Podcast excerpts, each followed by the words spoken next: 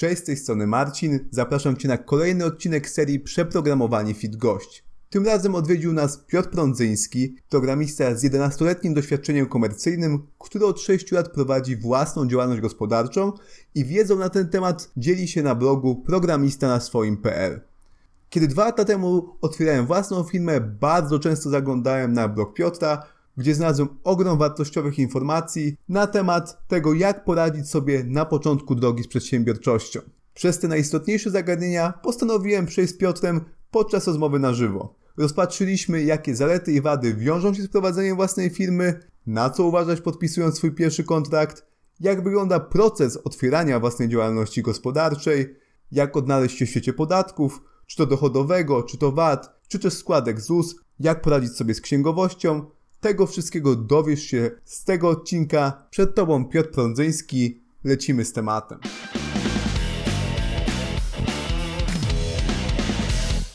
Pewnie wiesz, jeżeli tutaj jesteś, będziemy rozmawiali o e, prowadzeniu jednoosobowej działalności gospodarczej jako programista.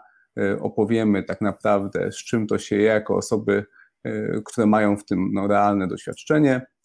Piotr zresztą no, ma dużo wiedzy na ten temat. Ja z bloga Piotra, programista na swoim.pl, bardzo dużo korzystałem właśnie na początku, gdy otwierałem swoją działalność.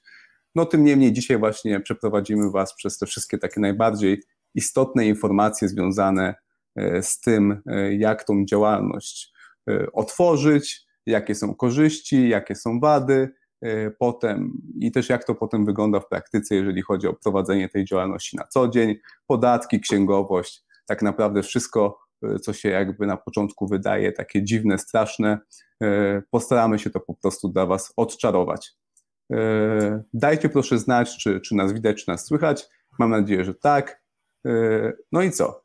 Piotr, w międzyczasie opowiedz coś o sobie, powiedz jakby jakie masz doświadczenie, czym, w czym się specjalizujesz i też no oczywiście od kiedy prowadzisz swoją firmę i jak to też było z tym twoim blogiem, gdzie o prowadzeniu firmy dużo opowiadałeś.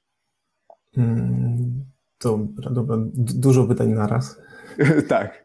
tak. Od początku to mm, programuję zawodowo od 11 y, lat. Y, głównie w webowej Javie.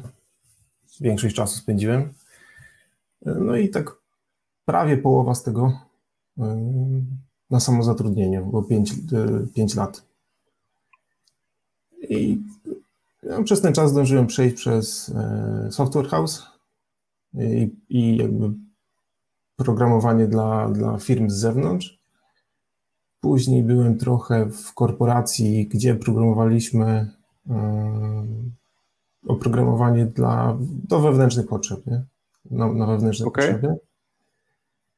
A teraz jest, jestem w startupie. Okej. Okay. Czyli jakby no, przekrojowo przeleciałeś tak naprawdę przez wszystkie możliwe e, warianty firm, z jakimi można współpracować jako programista. No to ciekawie, no to ciekawie. E, dobra, zanim jakby e, zagłębimy się w takie tematy związane właśnie z firmą, z B2B, to może odczarujmy właśnie takie to podstawowe słownictwo. Co to znaczy, że ty masz swoją firmę, e, a co to znaczy, że, że masz na przykład jednoosobową działalność gospodarczą, czy jedno i drugie to jest, to jest to samo, co to jest w ogóle to też słynne B2B, ta forma jakby współpracy, pogadajmy trochę o tym, bo to też takie mi się wydaje, że dla nas może być oczywiste, a dla osób, e, które po prostu pracują na etacie albo dopiero szukają pierwszej pracy, to wszystko może się takie wydawać e, tajemnicze. Mhm, tak, tak. To jakby jednoosobowa działalność gospodarcza to jest jedna z form prowadzenia firmy w Polsce. No jasne, mamy jeszcze jakieś tam spółki. Mamy e, spółki, spółdzielnie. Jasne, dużo tak. jest tych form tak naprawdę, a ta jednoosobowa działalność gospodarcza to jest taka najprostsza forma, nie? Tak, tak naprawdę, gdzie... Tak, taka, e... taka najprostsza, chociaż jakby nazwa może sugerować, że tylko jedna osoba może to założyć i, i, i pracować samą dla siebie, ale tak naprawdę na jednoosobowej działalności można zatrudniać pracowników normalnie na etacie. E, ten, ten, te słowo jednoosobowa to się odnosi bardziej do tego, że e, jedna osoba odpowiada całym majątkiem za, no, za, za problemy w firmie i no jasne, za jakieś zobowiązania, no tak naprawdę po prostu ty jesteś tą firmą jako, jako tam Piotr Prądzyński albo Marcin Czarkowski, nie ma żadnego zarządu, y, tak jak na przykład w tych spółkach z ograniczoną odpowiedzialnością, no po prostu y, bardziej to jest tak bezpośrednio związane z tobą, co zmienia faktu, że jak najbardziej można w jednoosobowej działalności mieć osób 20, bo po prostu masz 19 tam jeszcze pracowników na, na umowach. Dobra. Dokładnie. A to, to jeszcze wspomniałeś o B2B, jakby B2B skrót od e, business to business, czyli jakby forma współpracy między dwoma mm, firmami, więc e, dwoma, no tak. No dokładnie, więc jak, jak na przykład kiedy szukamy jakiejś tam, e, no tak naprawdę nie pracy, tylko o, o okazji do współpracy w tym przypadku gdzieś tam na jakichś jobbordach i tak dalej i ktoś pisze, że chce pracować w oparciu o B2B, no to on tak naprawdę mówi e, będziesz mi wystawiał fakturę po prostu co miesiąc za, za usługi programistyczne, które jako firma będziesz świadczył mojej firmie i to tak naprawdę o to się rozbija. Tak, podpiszemy umowę, kontrakt, ale jakby całość będzie się opierała o faktury i Dokładnie, dokładnie tak. E, a powiedz mi, e, no bo Piotr, jakby podjąłeś w jakimś tam momencie decyzję, że e, kończysz jakby tą pracę na etacie w oparciu o umowę o pracę i przechodzisz na swoje. Opowiesz trochę więcej, jak to było, w sensie co cię skłoniło do takiej decyzji? Mm, tak, to było mm, w, pierwszej, w tym pierwszym software house, w którym przepracowałem 6, 6 lat. No już jakby pod koniec potrzebowałem jakiejś zmiany. Przede wszystkim chyba pracy i otoczenia, e, ale jednocześnie chciałem spróbować mm, innej formy zatrudnienia e, i, i też ze względu na jakby mały rynek w Toruniu planowałem spróbować pracy zdalnej, więc jakby takie trzy, trzy zmiany na raz. E, a dlaczego, dlaczego akurat na samozatrudnienie i, i na jednoosobową działalność? Mm, to w tamtym, w tamtym czasie byłem zaczytany i, zafiksowany trochę na tematy budżetu domowego i takich domowych optymalizacji finansowych, a, a jakby e, w naszym przypadku, w przypadku samozatrudnienia, to jest to, jest to jakiś rodzaj optymalizacji finansowej. Nie? Jasne, o tym pogadamy na pewno jeszcze więcej w dalszej części, no bo jakby tak jak mówisz, no spoiler aret, jest okazja, żeby tej kasy więcej zostało w portfelu, chociaż to też nie jest takie oczywiste, trzeba to robić jakby z głową, ale jak najbardziej jest ku temu przestrzeń i, Y, i okazja. A powiedz mi, Piotr, no podjąłeś tą decyzję, że, że jakby otwierasz swoją firmę, ale już miałeś jakby pierwszego klienta, czy to było tak, że pierw tą firmę otworzyłeś, a dopiero potem się zastanawiałeś, y, jak tu po prostu te przychody zapewnić? Mm, nie, nie, nie rzucałem się na głęboką wodę. Y, jakby tak naprawdę po, szukałem po prostu firmy, która jest zainteresowana zatrudnieniem w formie B2B. Więc okay. Do, dopiero jak znalazłem y, określonego, no, nie można nazwać pracodawcy, tak jakby, y, współpra, współpracownika, y, to, to, i miałem to już wszystko podpisane, to dopiero wtedy zacząłem, za, zacząłem kwestię zakładania działalności. Nie? Słusznie, słusznie. Też mi się wydaje, że to jest jakby dobre podejście. Ja zrobiłem zresztą e, dokładnie tak samo e, dwa lata temu. E, no i tak ja jakby każdemu bym to rekomendował, żeby jednak pierw znaleźć tego pierwszego klienta, tak żeby chociaż po prostu pokryć sobie rachunki i też podatki, które będzie trzeba zapłacić gdzieś tam ZUS i tak dalej, no bo, bo to też nie jest tak, że prowadzenie działalności to jest 0 złotych miesięcznie, to jakby się wiąże z jakimiś tam kosztami, które, które po prostu trzeba ponosić i trzeba mieć po prostu jakie ponieść, nie? No więc, więc jakby ta kasa gdzieś tam E, musi, musi być. Nie wiem, czy się, czy się ze mną zgodzisz. Może jednak tak, jesteś tak. takim człowiekiem. Nie, jak to Bo niektórzy mówią, że tam wiesz, ryzyko, nie? Po prostu trzeba i to nawet po prostu e, jak tam masz bat nad głową, to ci lepiej pójdzie, nie? Jak, jak... E, tak, wszystko zależy pewnie wiesz co, od, od indywidualnych mm, preferencji, ale no ja w moim przypadku akurat jakby pół roku wcześniej urodził nam się synek to była okay. jakby przez, między innymi przez to nie chciałem się rzucać na głęboką wodę.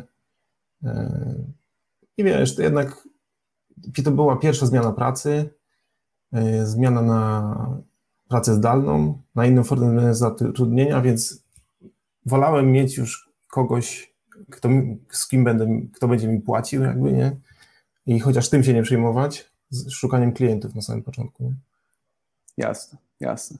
No tak, no to, to jakby też trzeba się zawsze zastanawiać, mhm. jakie mamy zobowiązania.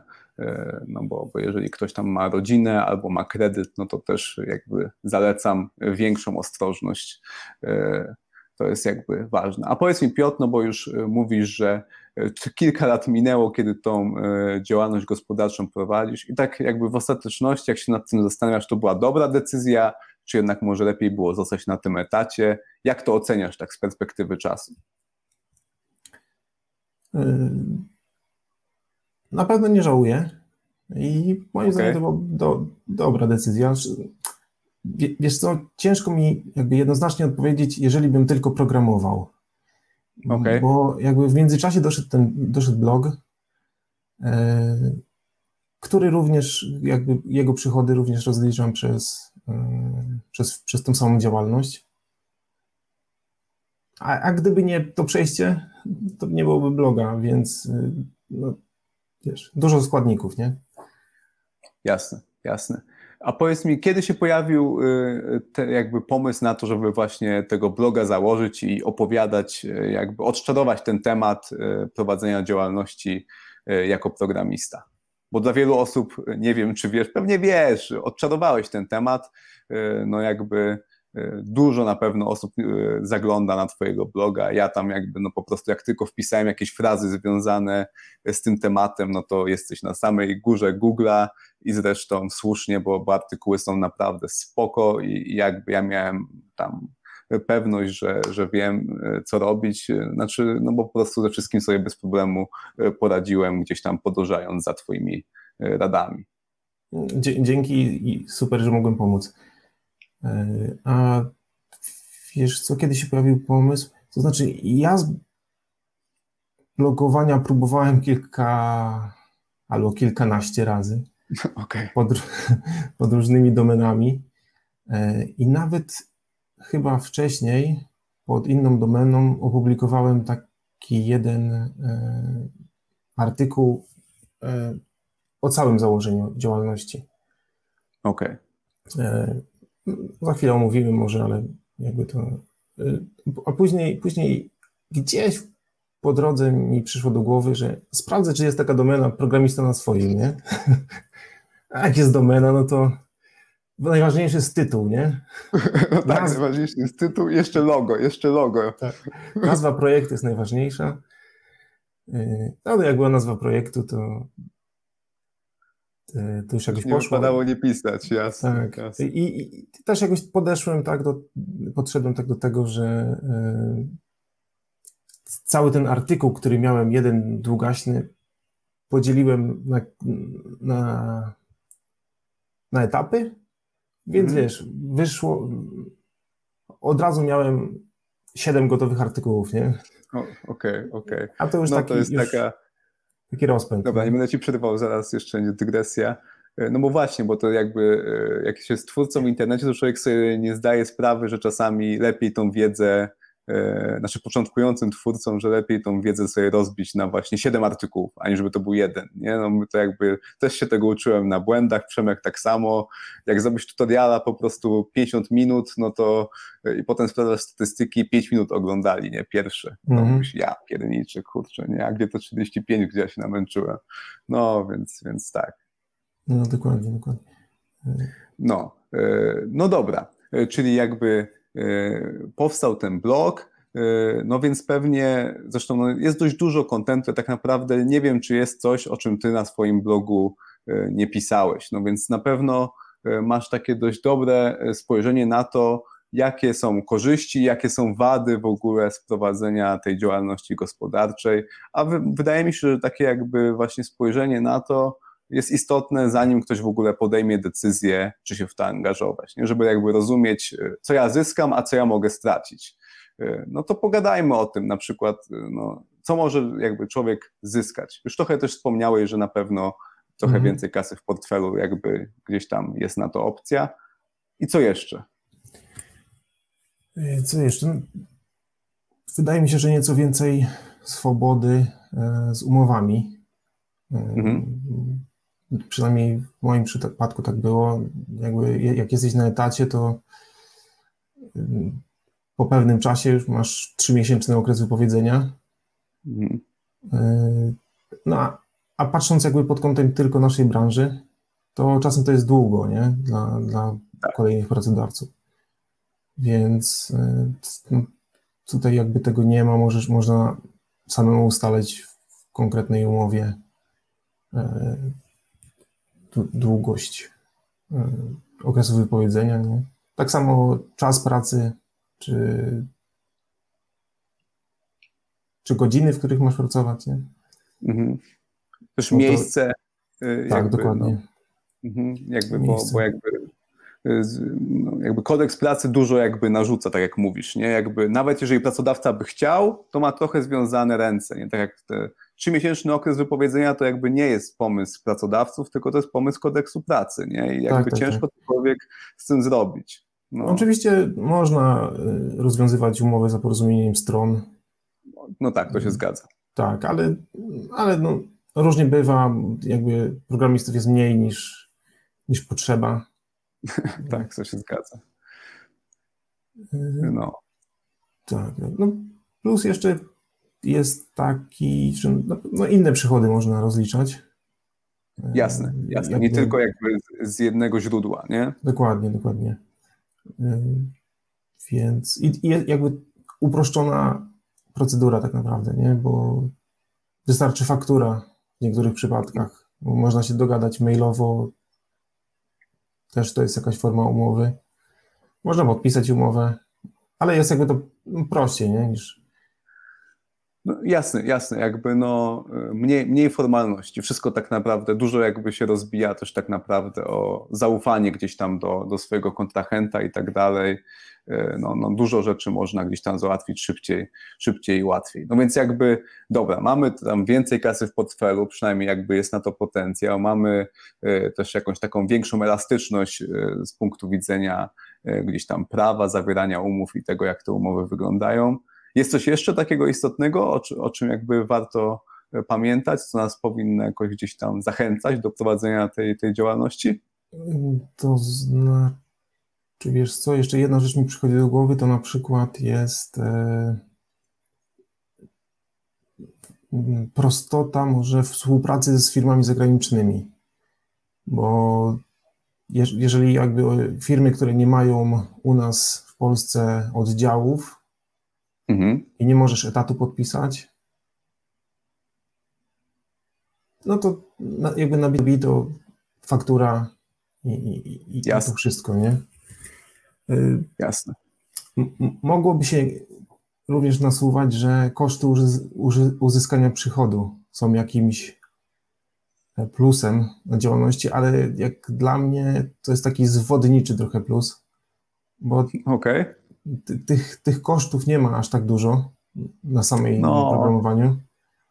To się zgadza. Ile można kupować laptopów? No chyba, że chyba, że wiesz, ktoś jest bardzo kreatywny i liczy na to, że Urząd Skarbowy nie będzie na tyle kreatywny i wrzuca różne rzeczy. No tak, jak się robi to rozsądnie, to tak jak mówisz, tych kosztów nie ma tak wiele, jak się często gdzieś tam marzy na początku, nie? A ja sobie to zapiszę, to sobie zapiszę, nie? No to nawet tak, tak. kupisz sobie ten fotel, kupisz sobie to biurko, yy, kupisz sobie, no nie wiem, słuchawki, yy, monitor, komputer, koniec, nie? I masz koniec kosztów po prostu na najbliższe lat y, pięć, nie? No jeżeli zajmujesz się tylko programowaniem, bo jeżeli ktoś ma bloga tak jak ty, Y, albo, albo gdzieś tam kanał na YouTubie, jak na przykład ja, no to y, gdzieś tam można też koszty marketingu na przykład y, sobie, sobie wpisywać. Nie? Pewnie, pewnie korzystasz z tego, no ja jakby korzystałem z tego bardzo dużo mhm. i, i to jakaś była no, sensowna oszczędność, kiedy gdzieś tam promowaliśmy na, na dość dużą skalę na przykład nasz kurs Opanuj JavaScript, nie? więc wtedy tak naprawdę poczułem, że kurczę fajnie, fajnie, że mam tą firmę, jakbym nie miał, to, to, to jednak byłoby, byłoby no dużo mniej tych pieniędzy by nam zostało nie? Z, z tej całej zabawy. To prawda, to prawda. Y, tak, jeszcze tak tylko trzeba zwrócić uwagę, że kwestia tych y, pieniędzy, które zostają w kieszeni, to jest od pewnego, dopiero od pewnego, pewnego progu zarobków, nie? Bo jednak łącząc to na przykład, że na etacie programiści mogą skorzystać z 50% kosztów uzyskania przychodu, to nie wiem teraz do jakiej, do 8 tysięcy netto na etacie, chyba cały czas się opłaca, opłaca etat, nie? E, dokładnie, dokładnie. Ogólnie jest tak, zresztą e, już też o tym wspominałem gdzieś tam na, na kanale, że im więcej zarabiasz tak naprawdę, tym masz większe jakieś tam korzyści z tego, że jesteś na swoim niż jesteś na etacie, nie? Tak, tak. No bo e, jakby będziemy też mówili o, o jakby o podatkach, o tym, na jakich zasadach się rozliczać, to też jest dość, dość istotne nie? w tym temacie. No bo jak jesteś na etacie, no to się rozliczasz na tych zasadach ogólnym, ogólnych, masz, masz jakby tą progresję podatkową, jak zarabiasz dużo pieniędzy, no to to czujesz, że, że tam coraz więcej do tego państwa ucieka. A powiedz mi, jak to jest w przypadku firmy? Już dobra, już jakby pogadajmy o tych, o tych podatkach może. Co możemy mhm. zrobić lepiej, jeżeli jesteśmy na, na działalności w temacie podatków, czego ludzie na etacie niestety zrobić no, nie mogą? Mm, tak, no, na etacie jest jedna, jedyna opcja opodatkowania. To jest skala podatkowa, gdzie, gdzie tam są dwa progi, 17% i 32%. I jakby no, nie ma tu pola do popisu. Jeżeli pójdziemy na etat i przekroczymy określoną kwotę e, zarobków, to, to wpadamy w ten wyższy próg podatkowy, a na działalności gospodarczej mamy do wyboru mm, choćby oprócz, oprócz e, skali podatkowej, skali podatkowej. To jeszcze mamy podatek liniowy i ryczałt ewidencjonowany w przypadku programistów. I podatek liniowy to 19% niezależnie od dochodu, a ryczałt z tego co kojarzę aktualnie 17%. Tylko okay. jakby to jest liczone, liczone od przychodu, a podatek liniowy i skala podatkowa jest od dochodu. Okej, okay, okej, okay. to istotne. E, to istotne. A powiedz mi, e, pamiętasz Piotr jakby szczegóły, e, w którym momencie, jak jesteśmy na tej skali podatkowej, jakby wchodzimy na tą wyższą jakby stawkę 32%? Jak, jaka to jest kwota tam w skali roku? To jest 88 tysięcy z haczykiem. Nie pamiętam dokładnie, dokładnie. kwoty, ale... Dokładnie, no to to jest jakby tam 85 tysięcy, te, te jakby okolice, ja też dokładnie mhm. nie, nie pamiętam. To jakby ta kwota rośnie chyba tak e, troszeczkę z roku na rok, tam, bo to jest kwestia inflacji i tak dalej. To znaczy, e, ta, ta kwota się nie zmienia, tylko wiesz co, okay.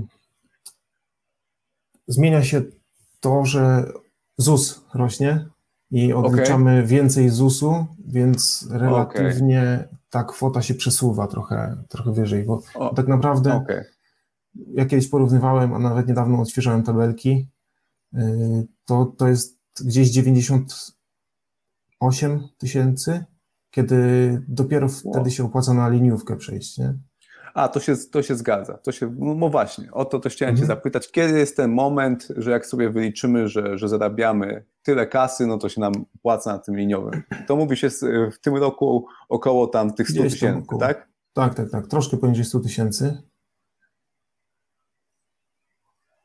Okej, okay, czyli tak naprawdę w przeliczeniu na miesiące to musimy zarabiać te 8 tysięcy około, nie? I wtedy to jest jakby ten moment, kiedy ta liniówka. Tak, bo to jest e, jakby. No...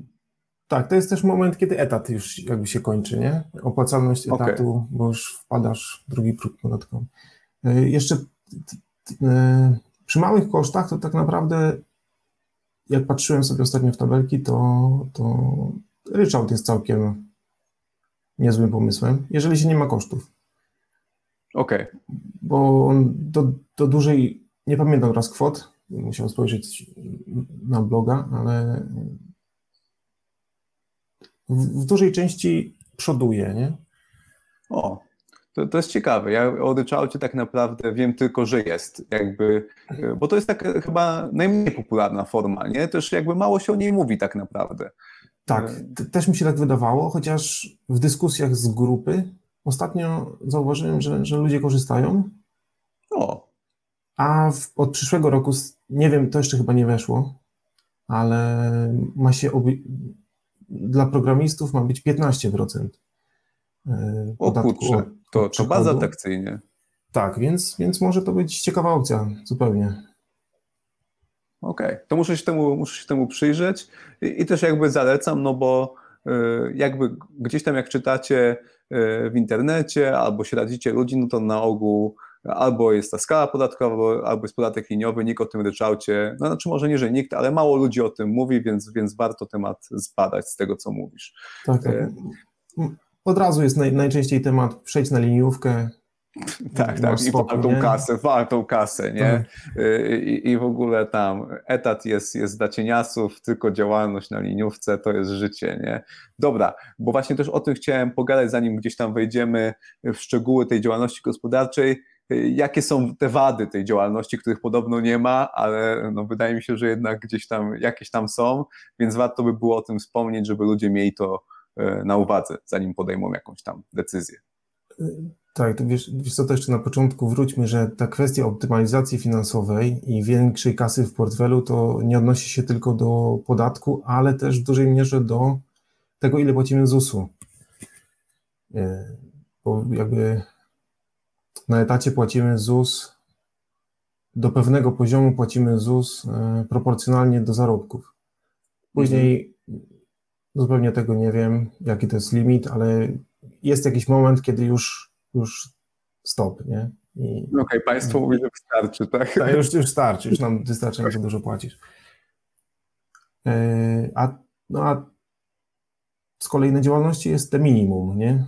Mhm. I, I, jakby i to jest ten większy mm, zysk Jasne, jasne. No tak. Po prostu więcej, znaczy pracodawca, znaczy pracodawca, ten twój klient, y, współpracownik, on jakby mniej pieniędzy. Y, Zleceniodawcą. Tak, tak. On mhm. po prostu no, ma mniejsze koszta, biorąc jakby kiedy, kiedy nawiązuje z tobą współpracę, niż jakby po prostu to był etat, nie? I musiałby po prostu y, no, do twojej pensji doliczyć no, dużą składkę do, do ZUS-u, nie? Tak, tak.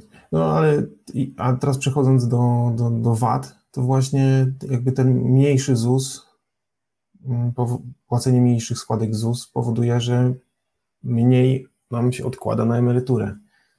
Jaka by tam nie była, nie wiem jak będzie, ale no tak, takie są fakty, nie? Mhm. Więc y, no, o tym trzeba pomyśleć.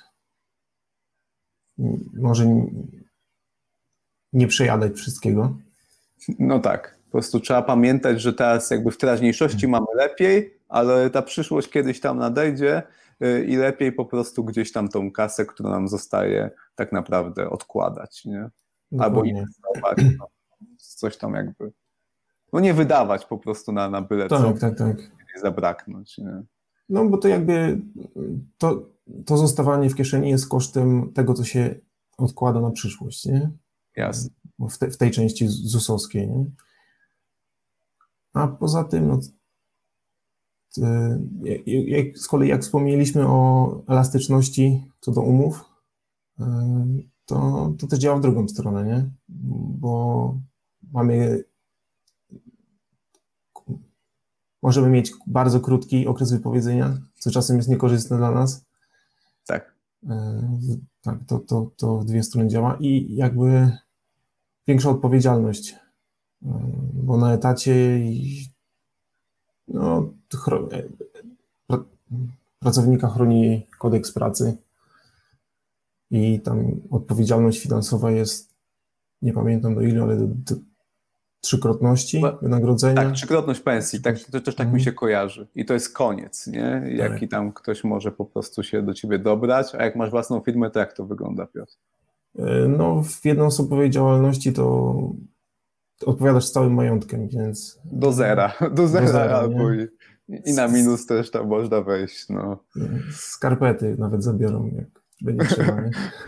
No tak, no to jakby, no tak żarty żartami, ale trochę tak jest, nie? Trochę tak, tak, tak jest, tak. No wiadomo. Trochę tak jest. To się może nie dzieje na co dzień i to nie jest coś tam po prostu, że człowiek nie śpi po nocach i się boi, że po prostu mhm. tam, ale, ale jakby był najgorszy możliwy scenariusz, no to niestety tak by wyglądał, nie?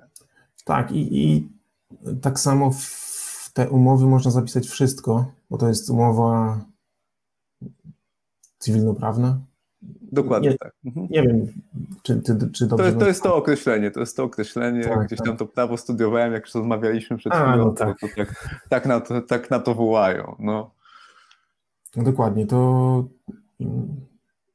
jakieś różne zakazy konkurencji, kary umowne, no tam można wpisać wszystko, więc na to trzeba uważać. Nie? OK, tu się pojawiło e, ciekawe pytanie i tak naprawdę to jest pytanie, do którego gdzieś tam zaraz chciałem przejść, więc możemy tak naprawdę, e, wydaje mi się, że je zaadresować.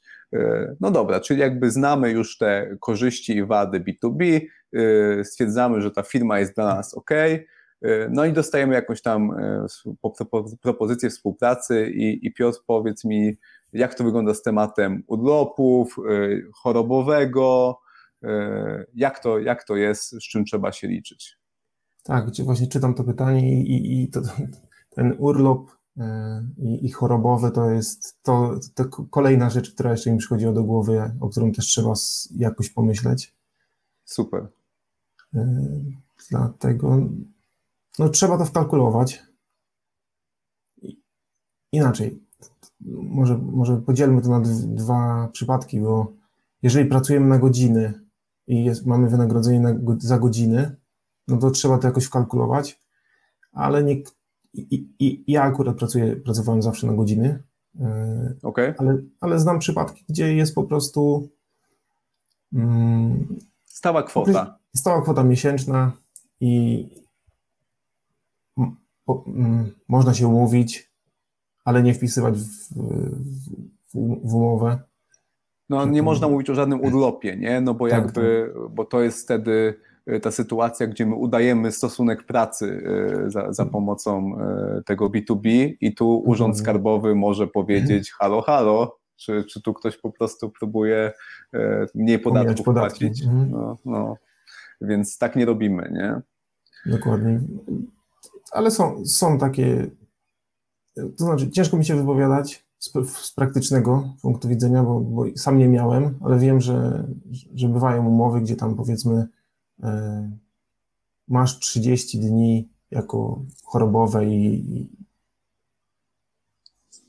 i urlop. Znaczy po prostu Dokładnie. No często się ustala po prostu tą, tą stałą kwotę, e, jakby, mhm. bo ja, tak, jakby, tak. jakby, ja jakby byłem osobą, która nie pracowała na godziny mhm. z, z moim jakby ostatnim klientem, E, tylko mieliśmy po prostu ustalone, że ja świadczę usługi programistyczne i za to dostaję stałą kwotę co miesiąc i tak naprawdę e, nieistotne, czy ja będę to robił godzin 10 czy, czy 160, jak się to zwykle robi. Oczywiście wiadomo, starałem się być dobrym kontrahentem, więc robiłem to przez te godzin 160, ale były miesiące, gdzie po prostu stwierdzaliśmy, że tej pracy jest do zrobienia mniej i ja na przykład pracowałem przez godzin 100, a, a gdzieś tam przez tydzień byłem w Chorwacji i odpoczywałem, nie? Więc, więc jakby tak można ten temat załatwić.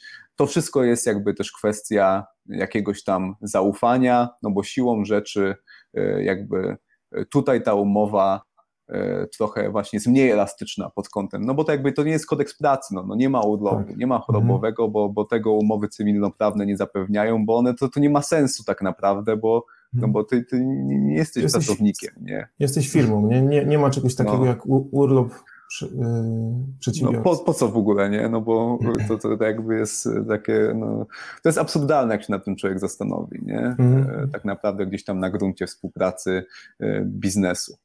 E, dobra, więc ten temat mamy e, zaadresowany. No to jedźmy jakby dalej, e, trochę gdzieś tam byliśmy na etacie, przechodzimy na firmę. Jak wygląda temat, Piotr, gdybyśmy my chcieli jakby wystawiać faktury swojemu byłemu pracodawcy? Możemy, nie możemy, z czym to się wiąże, jak to jest? To znaczy, możemy, możemy. Nie ma formalnie nie ma zakazu, możemy przejść na B2B i jednego dnia kończyć etat, następnego zacząć B2B e, i współpracę na działalności. Tyle tylko, że musimy wziąć pod uwagę, że w takim przypadku, e, jeżeli świadczymy te same usługi, czyli byliśmy programistą na etacie, jesteśmy programistą na B2B, tracimy preferencyjne składki ZUS, nie? czyli tak zwany mały ZUS. Teraz to jeszcze jest ulga na start. Tak. Tak. Plus w pierwszym roku podatkowym nie możemy też wybrać podatku liniowego. I teraz właściwie w tym momencie mi przyszło do głowy, nie wiem jak jest z ryczałtem, ale wydaje mi się, że, że, że e, tylko skalę podatkową możemy wybrać. Okay. W, tym, w, tym, pierwszym roku podatkowym, bo to jest chyba takie uproszczenie. E, właściwie to nie wiem, dlaczego tak jest.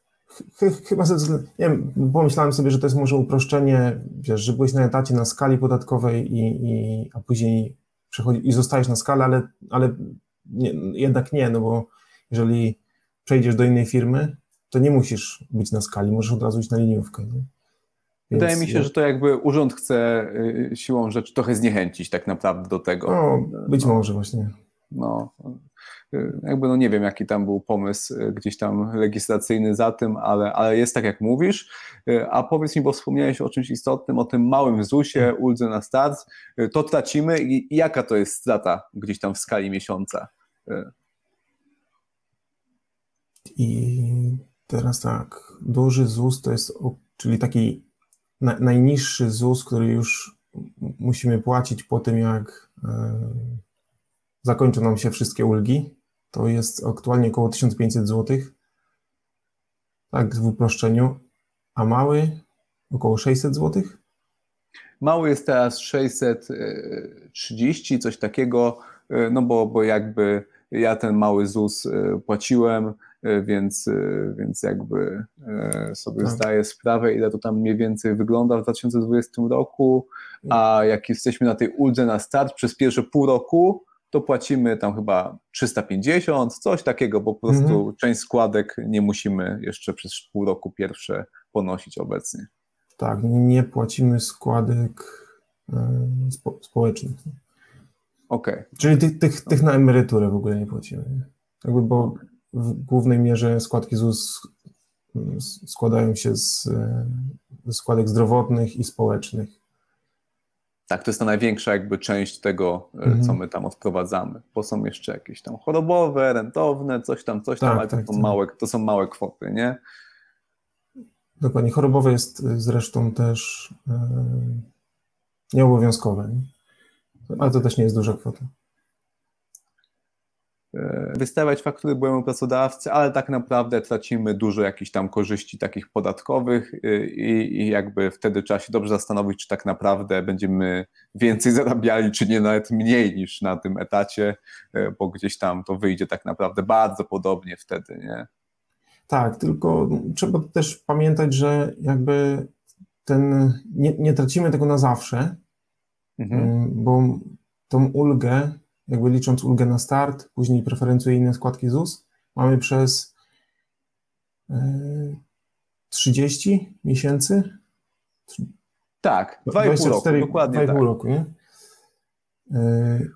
Chociaż I... nie, może, mo, może być 31 miesięcy, jak się zrobi coś mądrego, o tym zaraz yy, pogadamy. Tak, tak, właśnie, bo to kwestia 30 miesięcy, a nie 2,5 roku.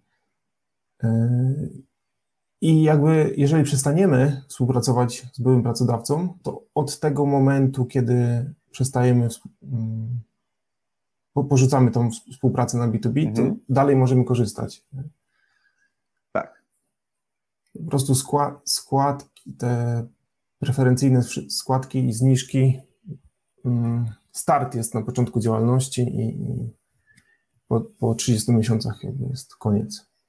I to już jakby nie ma znaczenia i wtedy jakby mm. możemy śmiało gdzieś tam z tym naszym byłym pracodawcą e, prowadzić e, współpracę bez, bez jakichś tam po prostu minusów. E, a powiedz mi, jak wygląda temat łączenia działalności gospodarczej z pracą na etacie? Gdzieś tam postanawiamy, że mamy pracę na etacie, ale chcielibyśmy jeszcze na przykład brać dodatkowe projekty po godzinach, czy możemy w ogóle coś takiego zrobić, sobie firmę otworzyć i gdzieś tam po prostu e, na boku sobie e, ciułać jeszcze jakieś tam działania? To, no jak najbardziej. Na tym, na tym polega działalność, że możesz mieć wielu klientów zleceniodawców, więc jakby możesz jednocześnie prowadzić działalność i być na etacie. Pod warunkiem, że to są in, inne, fi, inne podmioty, inne firmy, nie? Tak. Nie, moż, nie możesz y, wie, być zatrudniony w tej samej firmie, z którą, której wystawiasz jeszcze faktury, nie? O ile tak, to jest tak. jakby ten sam zakres usług, nie? Bo, bo, bo mhm. możesz być prawnikiem, tak jak y, i, i, i jednocześnie być y, na B2B jako programista, nie? Tak, to jest ok na tej samej zasadzie, to, to, to, o czym mówiliśmy wcześniej, jeżeli przyjdziemy, byliśmy prawnikiem, powiedzmy, u byłego pracodawcy, czy księgowym, ale nagle stwierdziliśmy, że wolimy programować, to, to, to te obostrzenia nas nie obowiązują. Nie? Tak, bo to dotyczy tylko tych samych usług, jakie świadczyliśmy wcześniej. Tak, no nie wiem, jak patrzą pod tym kątem w urzędzie skarbowym, jeżeli przejdziemy z administratora na programistę, nie? No wiadomo. Chociaż mi się wydaje, że to są też inne kody, kody gdzieś tam PKD, o których też będziemy mówili, mhm. więc może da się to wybronić. Chociaż wiadomo, już jakieś tam ryzyko się pojawia, tak, nie, że tak, tak. się trzeba tłumaczyć z tego. Dokładnie, pewne przypadki pewnie da się wybronić. Nie?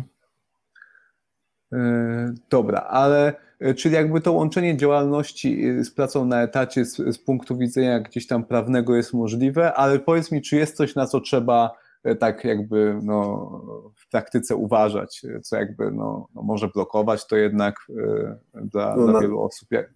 Mm. Na pewno trzeba się dogadać z pracodawcą na etacie, nie? Bo to już może. No tak, tak. To, to, w zasadzie niezależnie od tego, jaką mamy formę zatrudnienia, możemy mieć w, zakaz konkurencji wpisany w umowach, więc, więc na to trzeba uważać? Dokładnie tak. No tak naprawdę te zakazy konkurencji, one gdzieś tam często się w naszej branży przewijają przez umowy, e, no więc trzeba mieć to e, na uwadze, zawsze trzeba, trzeba spojrzeć, czy to gdzieś tam w tą naszą umowę o pracę, czy też e, w tą, w tą no właśnie podpisując umowę B2B, czy tego zakazu konkuren konkurencji nie ma, a jeżeli tak, to czego on dotyczy, to jest coś, co też jakby rekomenduję, żeby negocjować to, jeżeli na przykład macie własną firmę, no bo to, to siłą rzeczy e, raczej chcecie mieć wolność jakby e, zawierania współpracy jeszcze z innymi podmiotami, więc no też pytanie, czy, czy warto sobie tą wolność gdzieś tam oddawać, nie? No. Tak, tak. Są takie jakby zdrowe przypadki, zakazów mhm. konkurencji typu jak współpracujesz na etacie i ten twoja firma etatowa robi oprogramowanie dla jakiegoś podmiotu no to jasne jest, że wpiszą zakaz, czy będą chcieli wpisać zakaz jasne. konkurencji, y, żebyś ty w swojej działalności bokiem nie robił z tą samą firmą interesów w tym samym czasie. Nie? Jasne.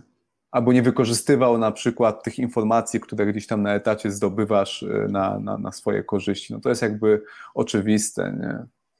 Tak, no, takie umowy, jak coś nie pasuje, warto y, konsultować z jakimś radcą prawnym.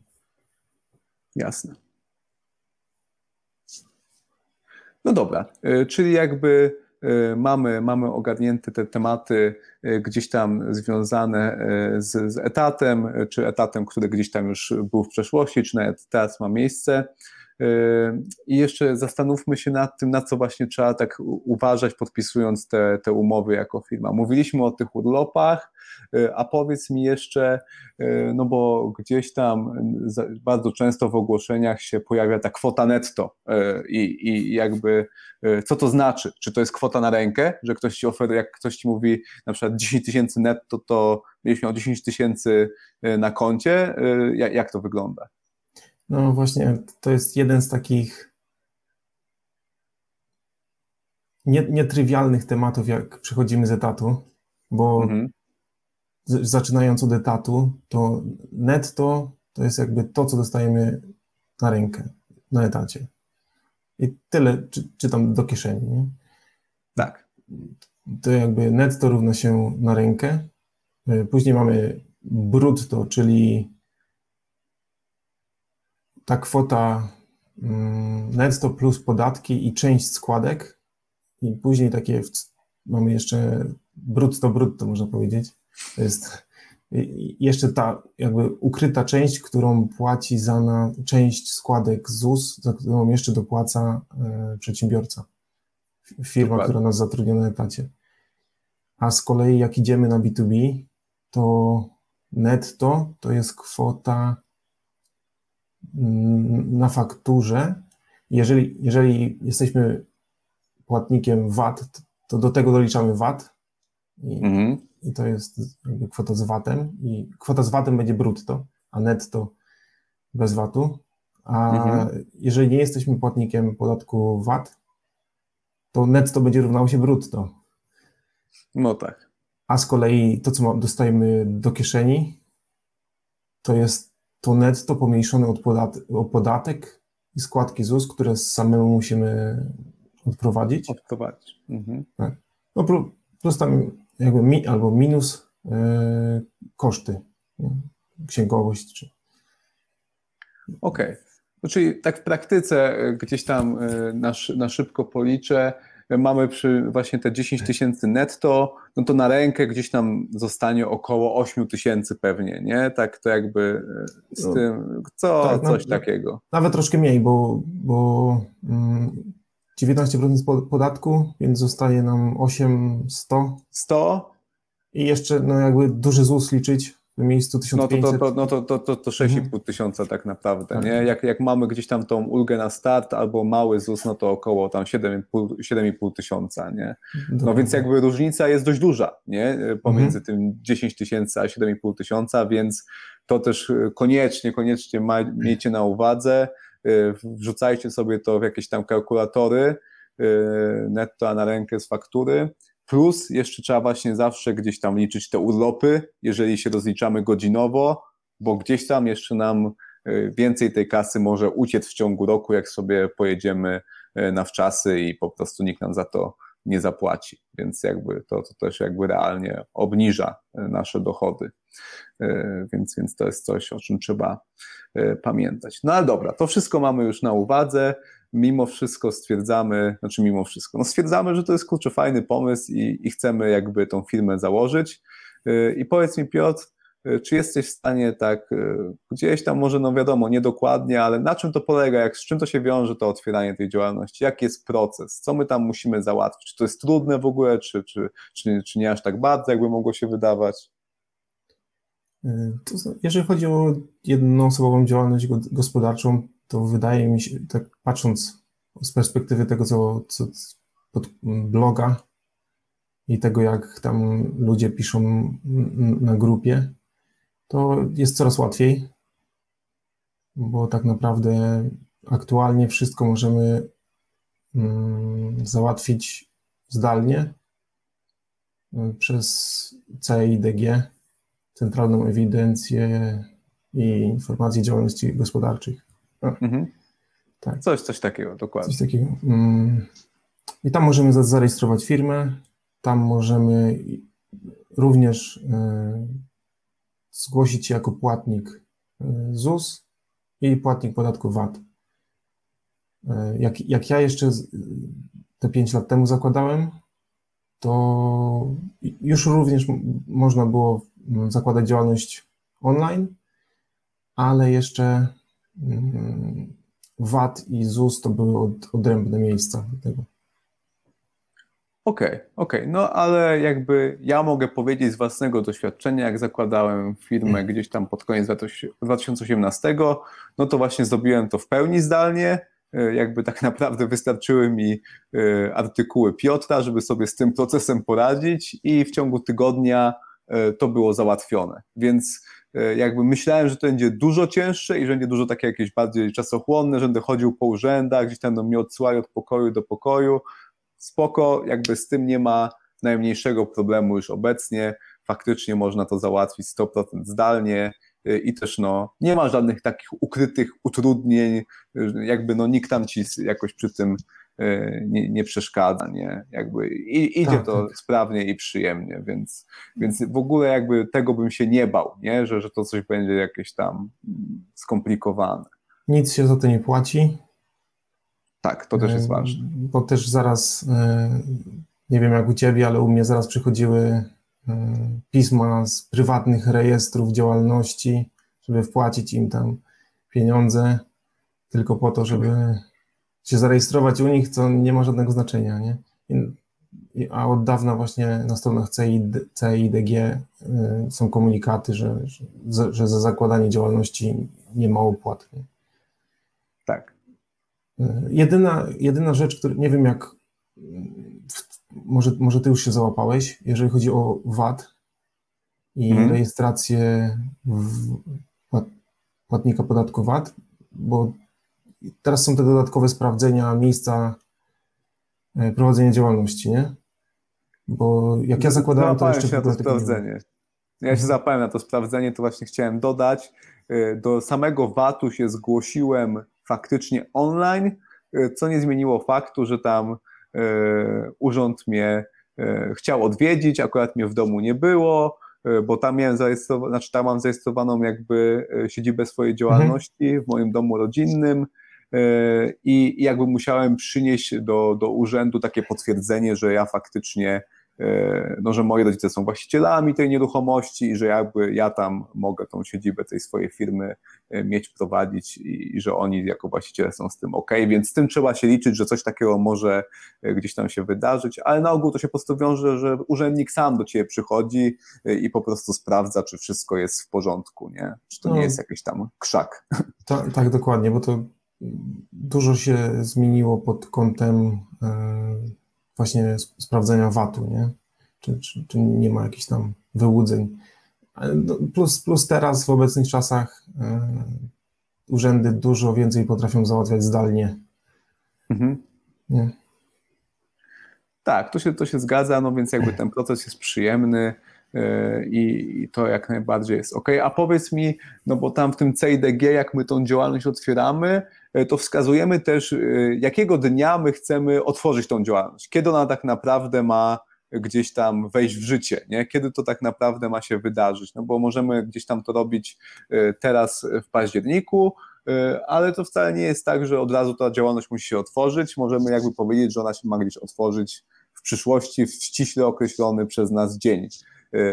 No i w praktyce jest tak, że jest taki jeden fajny, tak najfajniejszy dzień w miesiącu, E, gdzie by tą działalność otworzyć. E, albo tak naprawdę jest, jest jeden słaby dzień tak naprawdę, a, a wszystkie inne tak, są lepsze. Inne. to, to może opowiedz coś o tym. Tak, i właśnie teraz to też to, tak jak wracając do pytania z, z początku, e, w moim przypadku było tak, że ja jak już sobie zapewniłem tego kontrahenta mhm. Mm, pierwszego, No, to miałem trzymiesięczne wypowiedzenie, które tam udało mi się skrócić, ale już, już też w międzyczasie założyłem działalność, która otworzyła się 1 y, listopada. Wtedy o. jeszcze pierwszego, bo nie wiedziałem, że pierwszy to jest ten najgorszy dzień. Y, tak, bo dobrze jest otworzyć drugiego, bo tu jest ten haczyk, y, kruczek prawny związany z, z wszelkimi preferencyjnymi składkami ZUS, że tam są liczone pełne miesiące kalendarzowe. Więc normalnie przysługuje nam 30, a gdy założymy na przykład drugiego, to będzie przysługiwało 31. Więc bez jednego dnia, nie? No ale tak naprawdę w rzeczywistości tak, tak, tak. będzie 31 miesięcy. No i to jest a, super, tym, no bo nie wpływa na nic, nie?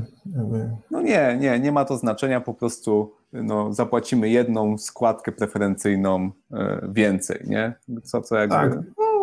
no, jak więcej w kieszeni, nie? Dokładnie, dokładnie. No, e, dobra, to jakby o to chciałem Cię zapytać, więc pamiętajcie, drugi albo każdy kolejny, pierwszy nie polecamy.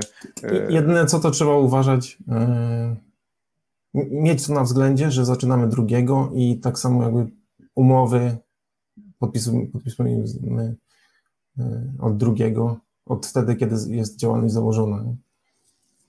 Tak, to, to, jest, to jest istotne, jakby to trzeba mieć, trzeba mieć na uwadze, żeby e, no po prostu nie podpisywać nic jako firma, która jeszcze nie, nie istnieje w danym dniu, e, bo z tym na pewno się mogą wiązać jakieś e, problemy później.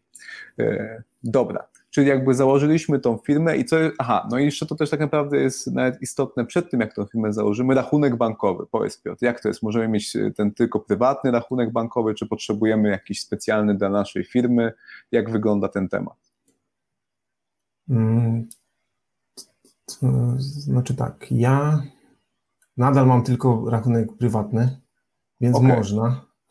Okay. Można, ale aktualnie już jest wiele obwarowań Jakiś czas temu, na początku 2019, prawdopodobnie, jeżeli dobrze pamiętam, weszła biała lista płatników podatku VAT, na, która również ma kontrolować firmy krzaki i, i nieprawidłowości z VAT-em. I jeżeli transakcje powyżej 15 tysięcy złotych muszą być wykonywane e, na rachunki widniejące na tej białej liście. Tak, tylko, a na, a na białej liście mogą, zna, mogą znaleźć się tylko rachunki e, firmowe. Tak. E, więc je, ja akurat współpracuję z firmą zagraniczną, która nie podlega okay. pod, pod to obwarowanie. E, tak, ale w Polsce musiałbym, trzeba, musiałbym założyć e, rachunek firmowy. Okej, okay, ale to jakby e, nie, nie, wiem, czy wiesz, bo to jest taki tak naprawdę szczegół, yy, czy to dotyczy jednej transakcji, że ona nie może przekroczyć 15 tysięcy, czy jakby suma wszystkich faktur, jakie my wystawimy w miesiącu, nie może tych 15 tysięcy yy, przekroczyć? Jedna, jedna transakcja. Okej, okej. Okay, okay. Nie wiem, jak to. Wiesz, sam w praktyce nie próbowałem, ale wydaje mi się, że ja kiedyś o tym wspomniałem i ktoś mnie próbował sprostować, że jeżeli wystawimy 7,5 i 7,5, to nie przejdzie. Okay. Ale później z kolei sam się sprostował, że jednak chyba przejdzie. Aha, czyli wiadomo, czyli to, jest jeden, są takie też case'y, gdzie nikt tak naprawdę nie wie, bo nikt do końca nie chce tego sprawdzać i tam tak, ludzie tak. po prostu się zastanawiają gdzieś tam tak bardziej e, no, bez tego praktycznego doświadczenia, jak to jest. Są takie tematy gdzieś tam prawne, gdzie, gdzie no, ludzie po prostu, mało ludzi to sprawdza gdzieś tam w mhm. praktyce. Mhm. No. To, to, też nie jest tak, że jak my yy płacimy na inny rachunek przez przypadek, kto tam, ktoś na fakturze podał nam inny mhm. numer rachunku, a my tego nie sprawdziliśmy na tej białej liście, to że od razu ścinają nam głowę, nie? Tam no jest chyba 7 dni na, na zgłoszenie tego po prostu do Urzędu Skarbowego, że, okay. że te, tego, okay. tego rachunku nie ma na białej liście. Nie? Okay. Plus drugie z takich zabezpieczeń, które również weszło, to jest y, split payment, mechanizm podzielonej płatności, który polega na tym, że część, y, jakby podat, kwota przeznaczona na podatek VAT wędruje na takie subkonto przy koncie firmowym. tak, takiego subkonta nie da rady założyć przy koncie prywatnym, więc ono się automatycznie tworzy przy każdym koncie firmowym. Z tym, że z tego co wiem, to programowanie nadal e, nie podlega pod. Pod ten split payment? Pod split, e, tak, pod split payment. Wiesz co, no w tym, e, powiem Ci, że gdzieś tam w M-Banku podlega, w sensie, no, znaczy, no, no nie wiem, w sensie mi zawsze jednak te pieniądze na, na to konto VAT lądują e, gdzieś tam e, nawet z faktur za, za świadczenie usług programistycznych. Tak, bo to jest kwestia, wiesz co, tego jak chyba twój kontrahent zaznaczy, bo on, okay. to, to może każdy, to, to, dobrowolnie może każdy tak robić. Okej. Okay. Ale niektórzy muszą tak robić, nie? Okej, okay, rozumiem. I rozumiem. Jeszcze, jeszcze my jako programiści Wydaje mi się, że jeszcze, jeszcze nie weszliśmy w ten, ten mus. Okej, okay, okej. Okay. E, a powiedz mi, ten split payment jakby z punktu widzenia e, przedsiębiorcy to jest coś e, korzystnego dla nas, czy, czy, czy nie bardzo? Jak to wygląda? Tak, taka mała blokada tych hmm. pieniędzy na VAT, bo jeżeli ty masz konto i firmowe, to pewnie lepiej będziesz wiedział. E, z tego co pamiętam, po prostu możemy przeznaczyć to na konkretny, e, na, na płatność podatku VAT. Chyba część możemy przesunąć na składki ZUS. E, zgadza się. Na ZUS i na dochodowy też możemy. A, no po prostu tak, na, na, płatność że... podatków. Mhm. Na płatność, jakby zmienili to, jeszcze dodali ten dochodowy. Nie? I, i A jeżeli. No, tak, a jeżeli chcielibyśmy to jakby do swojej kieszeni, to chyba musimy zgłosić taką sytuację, nie? Nie wiem, szczerze mówiąc, nigdy mhm. tego nie robiłem.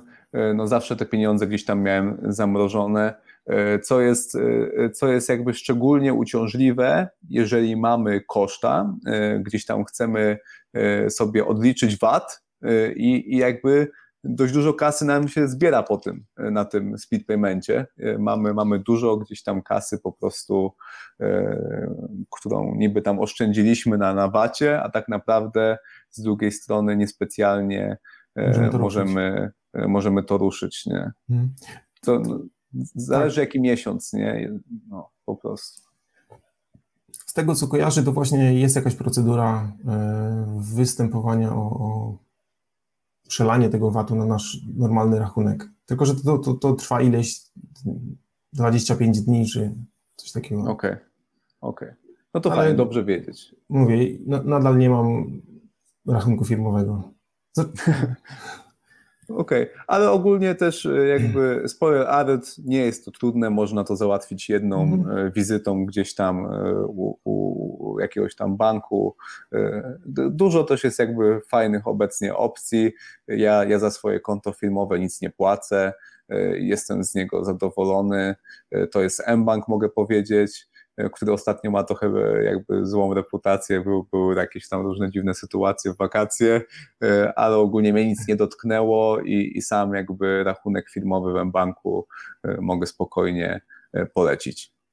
Tak, ja z kolei mam prywatny i też jakby mBank używam. Do, do mnie dotarły te wszystkie komunikaty takie testowe. Do mnie, do, do mnie też, do mnie również. To, e, tak to było. Ale firmowy też miałem w banku przez pewien czas. Jak okay. za, no, założyłem mm, przy jakiejś promocji po prostu. Okej, okay, okej. Okay. E, dobra, Piotr. Są dwa pytania gdzieś tam z widowni mhm. E, związane z tym, o czym rozmawialiśmy. Powiedz mi, czy masz jakąś wiedzę na temat tych biur wirtualnych? Ja nie mam żadnej wiedzy, więc nie jestem w stanie jakby odpowiedzieć na to pytanie. Mm, wydaje mi się, że nie jest to problem, jeżeli chodzi o rejestrację w ogóle firmy. Problem mhm. znowu jest z VAT-em. Od pewnego czasu w ogóle można zaznaczyć w CIDG, że firma nie ma mm, stałego miejsca prowadzenia działalności. Ale to nie przechodzi w VAT-ie, bo tam zawsze jakiś adres musi być. Więc tak. jeżeli nie, to się zaznaczy, to jest adres e, zamieszkania prawdopodobnie. Dokładnie, bo ja jakby jestem dokładnie w tej sytuacji.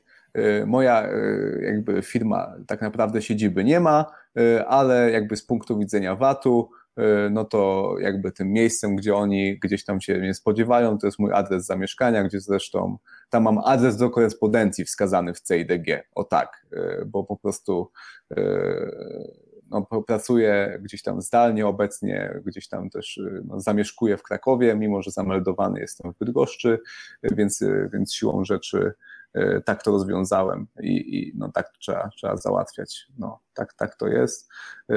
E, no, a biuro wirtualne jest jakimś tam rozwiązaniem. Nie? Tylko to jest, to, są to jest jakiś tam koszt, nie? ale chyba też nieduży z tego, co, co mi się gdzieś tam kojarzy z nie, internetu. Nie orientuję się sam.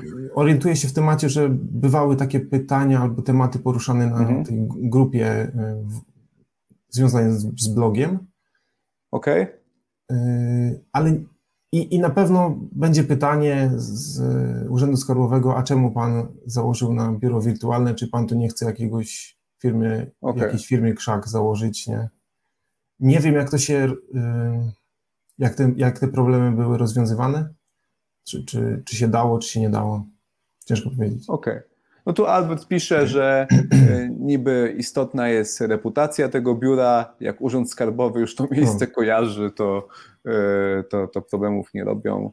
E, no, no, ciężko, ciężko powiedzieć, pewnie to jest też takie mocno indywidualne, zależy e, też pewnie trochę od urzędnika, który gdzieś tam na tą naszą aplikację patrzy. No więc trochę, trochę jakby można mieć szczęście i nieszczęście pewnie w tym, w tym temacie. A jeszcze drugie pytanie o kody GTU. Nie wiem, czy jesteś z tym tematem na bieżąco. Ja trochę jestem, więc się mogę wypowiedzieć. Tak, trochę jestem. Samo programowanie nie podlega pod GTU, y, więc trzeba wiedzieć, że nie podlega i nie wybierać. Tak. Y, a chodzi w skrócie o to, to jest jakby kolejne narzędzie do pilnowania tego VAT-u. Tak. Więc ustalono 12 albo 13 kodów GTU. 13 przy takich newralgicznych transakcjach. Więc działalność programistyczna nie, nie podlega, ale już e, doradztwo informatyczne czy programistyczne podlega pod GTU 12. Jakieś też tematy szkoleniowe na przykład też podlegają. E, więc to trzeba mieć na uwadze, bo często programiści albo organizują szkolenia, mm. albo sprzedają kursy, e, to, to jakby muszą, muszą gdzieś tam na fakturze zaznaczyć. Właśnie, bo to są tego typu usługi, które kiedyś pewnie były nadużywane albo są nadużywane. Tak. A to wystawię ci tam fakturę, że zrobiłem ci jakieś szkolenie, nie? Mhm. I, i urzędy skarb, Urząd Skarbowy po prostu chce mieć E, chcę mieć wgląd w takie transakcje. No tak, tak. Po prostu, że oni, oni pewnie po prostu łatwiej IFA napisać, który będzie e, gdzieś tam patrzył, jak GTL U12, to tam wyślij notyfikację, żeby się temu przyjrzeć. No, więc, więc takie to jest. No po prostu trzeba faktury oznaczać. No, znaczy naprawdę, tak naprawdę nie faktury, tylko e, podczas księgowości, podczas księgowania E, tych, tych naszych faktów, no to jakby to trzeba gdzieś tam chyba odznaczyć. To, to jest, to jest tak. na tym poziomie. Tak, te GTU nie musi być, e, nie musi widnieć na fakturze, ale jakby jest z nią związany, nie? z transakcją na fakturze. Okej, okay. dobra, czyli mamy ten rachunek bankowy, mamy podatki. O podatkach, jakby o, o tym podatku dochodowym już trochę pogadaliśmy. to jakby jeszcze podsumujmy sobie raz jeszcze, co my co miesiąc płacimy jako przedsiębiorcy? Jakie są, jakie tam jakby podatki odprowadzamy? Podatek dochodowy. Zgadza się. To, jest, to, to zawsze będzie. Składki ZUS. To w zależności właśnie od tego, czy mamy mm, jakąś ulgę, czy nie, no ale jakiś ZUS zawsze będzie. I podatek VAT. A, I to jest kwestia już dobrowolna, bo również programiści nie muszą. Zgadza się. Dobra, tak, czyli mamy tak, te. Bo, y, ma, y, no tak, bo są no takie obwarowania. Te... No mów. Dajesz, dajesz, mów, mów. E, nie, są, są wiesz, obwarowania kwotowe też, więc jeżeli przekroczysz pewną kwotę, no to musisz, nie? A, okej. Okay. Kwotę roczno, rocznych zarobków. Tak. A, a kojarzysz jaka to jest kwota, pamiętam. tak z ciekawości? Okay. 200 tysięcy? Okay. A, czyli, czyli jakieś tam już grubsze hajsy tak naprawdę e, tak, muszą, tak. muszą gdzieś tam się e, przelewać przez tą naszą Ale nie wiem, bo ja poszedłem od razu w VAT ja, ta, ja tak samo, ja tak samo, więc, więc jakby zawsze ten VAT płaciłem. E, dobra, a powiedz mi, Piotr, jak to wygląda z terminami? W sensie, czy mamy jakieś terminy, e, żeby te podatki płacić? E, o czym tam gdzieś trzeba pamiętać, sobie taska ustawić, że, że musimy te podatki zapłacić? Tak, tak. Właśnie ty wspomniałeś, że co płacimy co miesiąc, możemy to płacić też co kwartał, nie? To jest, Zgadza się. Dru druga opcja. Równie zarówno dochodowy, jak i VAT możemy płacić co kwartał, ZUS jest co miesiąc. Mhm. E, z tym, że chyba w pierwszym roku mm, prowadzenia działalności teraz VAT musi być miesięcznie, nie? Zgadza się. Tak było, jak ja, jak ja zakładałem. Tak, tak, tak. Później można przejść na kwartalny. E, mi się udało być od samego początku na kwartalnym. Mniej, mniej jest tych terminów płatności. Zgadza się. Bo jakby VAT płacimy do 25 dnia, e, miesiąca po, po, po kwartale, a dochodowy do 20 dnia. Zgadza się. E, no i plusem na pewno na bycia na mm, rozliczania się kwartalnie jest, e, jest to, że możemy dłużej zbierać faktury kosztowe, bo Zgadza się. Sam, w prawie jest ustalone, że mamy czas przez dwa kolejne okresy rozliczeniowe, więc jeżeli rozliczamy się miesięcznie, to mamy dwa dodatkowe miesiące. Jeżeli rozliczamy się kwartałownie, mamy dwa dodatkowe kwartały. No. O, to, to znaczna różnica. Znaczna, szczególnie, że jak na przykład y, masz koszt na początku kwartału, to y, w przypadku rozliczenia miesięcznego masz trzy miesiące na wydobycie faktury, mhm. a w takim 9 miesięcy ci wychodzi w kwartalnym. To o tym nie wiedziałem. To ja muszę zmienić to i, i przejść na te kwartalne, bo to jest, to jest, to jest realnie duża korzyść. E, tak, tak, tak. No, zależy jak tam nam się udaje wyciągać jakieś kosztowe faktury, nie? Bo czasem ktoś się mm, ktoś jest opieszały, nie? I, i musimy go musimy mu przypominać o tej fakturze ileś czasu. No tak, no lepiej mieć tych miesięcy 9 niż 3. To, to, to jakby jest, jest, jest korzystne. Tak, no z, z, drugiej strony dla niektórych jest to bolesne przelewać tak duże kwoty podatku na raz, nie? Więc wolą sobie rozbić to na, na miesiące. To, to się zgadza i to nawet tak e, w sensie w tej, w tej skali miesięcznej dość boli, więc z drugiej strony faktycznie większy cios trzeba sobie wymierzyć gdzieś tam e, cztery razy w roku. No to się zgadza. No ale mimo wszystko wydaje mi się, że warto. A powiedz mi e, z tym VAT-em. Warto być tym płatnikiem VAT? Nie warto? Jakby, jak, to, jak to wygląda tak z takiej strony praktycznej? I, i tu, tu by można wrócić właśnie do tego pojęcia B2B, Mhm. Jest analogiczne pojęcie B2C, czyli business mhm. to customer czy client, e, gdzie ty jesteś firmą i współpracujesz e, z nie firmami, z, z osobami mhm. fizycznymi po prostu. E, I właśnie w moim odczuciu, jeżeli idziemy na B2B, to VAT będzie zawsze opłacalny. Mhm. Bo jakby VAT jest takim podatkiem, mówią, że transparentnym. On przechodzi z rąk do rąk, jest, y, powinien być płacony w jednym miejscu. Więc nieco korzystniej to wychodzi w odliczaniu kosztów, jeżeli mhm. jesteśmy VAT-owcem i firma, z którą współpracujemy, jest VAT-owcem. A jak jesteśmy na tym B2C, to jak to wygląda? W sensie y, to, to ten podatek VAT jest dla nas mniej korzystny wtedy? Mniej korzystny pod tym względem, że konkurencyjnie z innymi ludźmi na rynku. Bo jeżeli mm, dla przykładu mamy cenę jakiegoś, jakiejś usługi ustaloną na 1000 zł, mhm. to jeżeli ty jesteś watowcem, a ja nie jestem watowcem, i płaci mi Kowalski, to ty musisz od, od tego zapłacić podatek VAT, podatek dochodowy, a ja tylko dochodowy. Okej, okay, okej. Okay. Więc... No to tak, znacz, znaczna różnica. Tobie zostanie więcej w kieszeni. Mhm. Tak. Albo obniżysz cenę, żeby mnie zadać. No właśnie, i to jest ta kwestia, tak, dokładnie, ta kwestia konkurencyjności, nie? Okej, okay, okej to, to, jest, to jest istotne i jakby trochę nie miałem tego na uwadze, teraz sobie zdałem sprawę, e, no bo dość dużo produktów B2C sprzedajemy w sensie kursu, e, kursów i tam faktycznie na tym bacie dość dużo tracę, e, z czego sobie nie zdawałem sprawy wcześniej, bo, bo nie myślałem o tym. To, to też muszę nad tym zastanowić, policzyć. Tutaj pojawia się pytanie o IP Box. To tak naprawdę chyba nie jest temat bezpośrednio, to, a nie, to, to jest temat związany z działalnością, bo to chyba dotyczy tylko przedsiębiorców, nie ten IP Box? Yy, tak, tylko przedsiębiorców, określoną, yy, określoną grupę nawet, bo akurat my jako programiści yy,